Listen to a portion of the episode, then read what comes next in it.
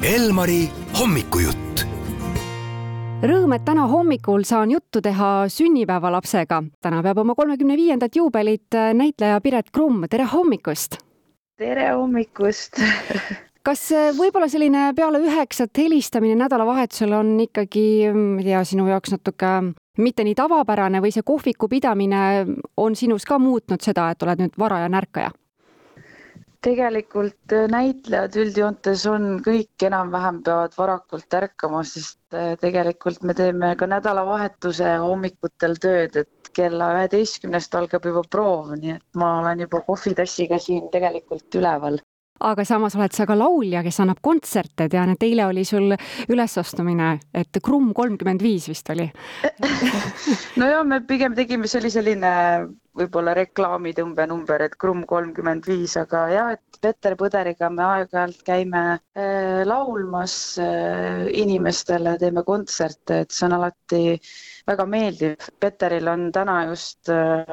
esimene poolfinaal Eesti Laulus, nii et ma soovin talle oma sünnipäeva puhul ikka, et tal läheks hästi kõik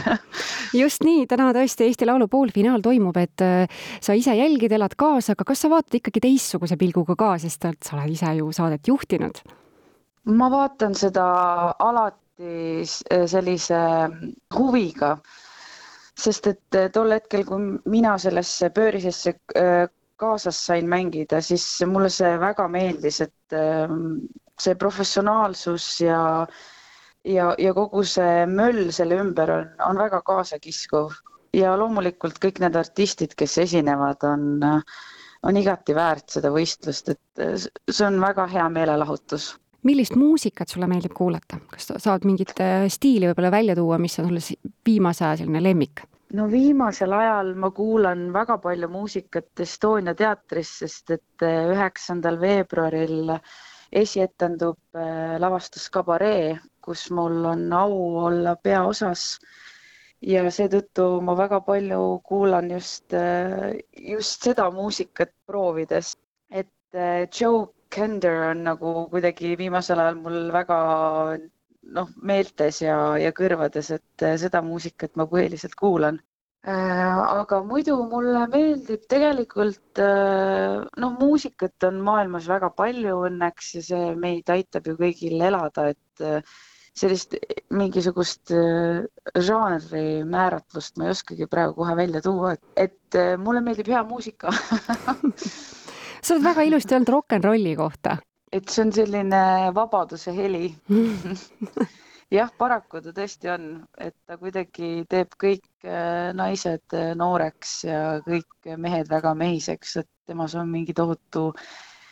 magneetiline jõud selles muusikas aga nüüd lähevad ju kõik proovid ja ettevalmistused etenduse peale, et kui palju sa ise jõuad seda muusikat teha või kontserte ikkagi anda, et mis, mis nagu bändiga plaanis on? Praegu hetkel ongi suurem aur läheb jah, lavastuse ettevalmistamisse, et äh, isegi kuidagi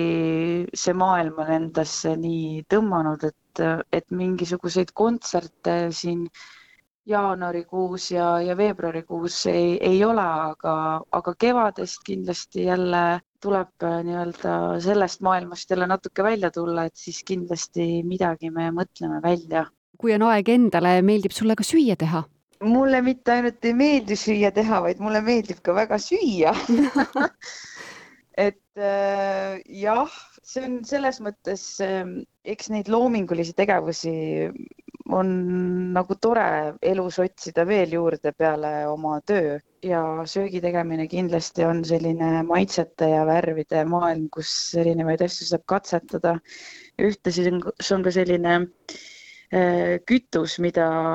mis peab olema piisavalt kvaliteetne, et jõuaks ka kõiki teisi toimetusi teha. süüa tuleb teha armunu tulekus, siis, siis tulevad kõige paremad maitsed esile ja üldse elus, ma arvan, see vist kehtib, kehtib kõikide asjade kohta, et kui olla pisut armunud, siis kuidagi läheb hoogsamalt, et see käib ka praeguse selle kabaree tegemise kohta, et seal on lausa too ajastu on nii-öelda selline liibelast, nagu öeldakse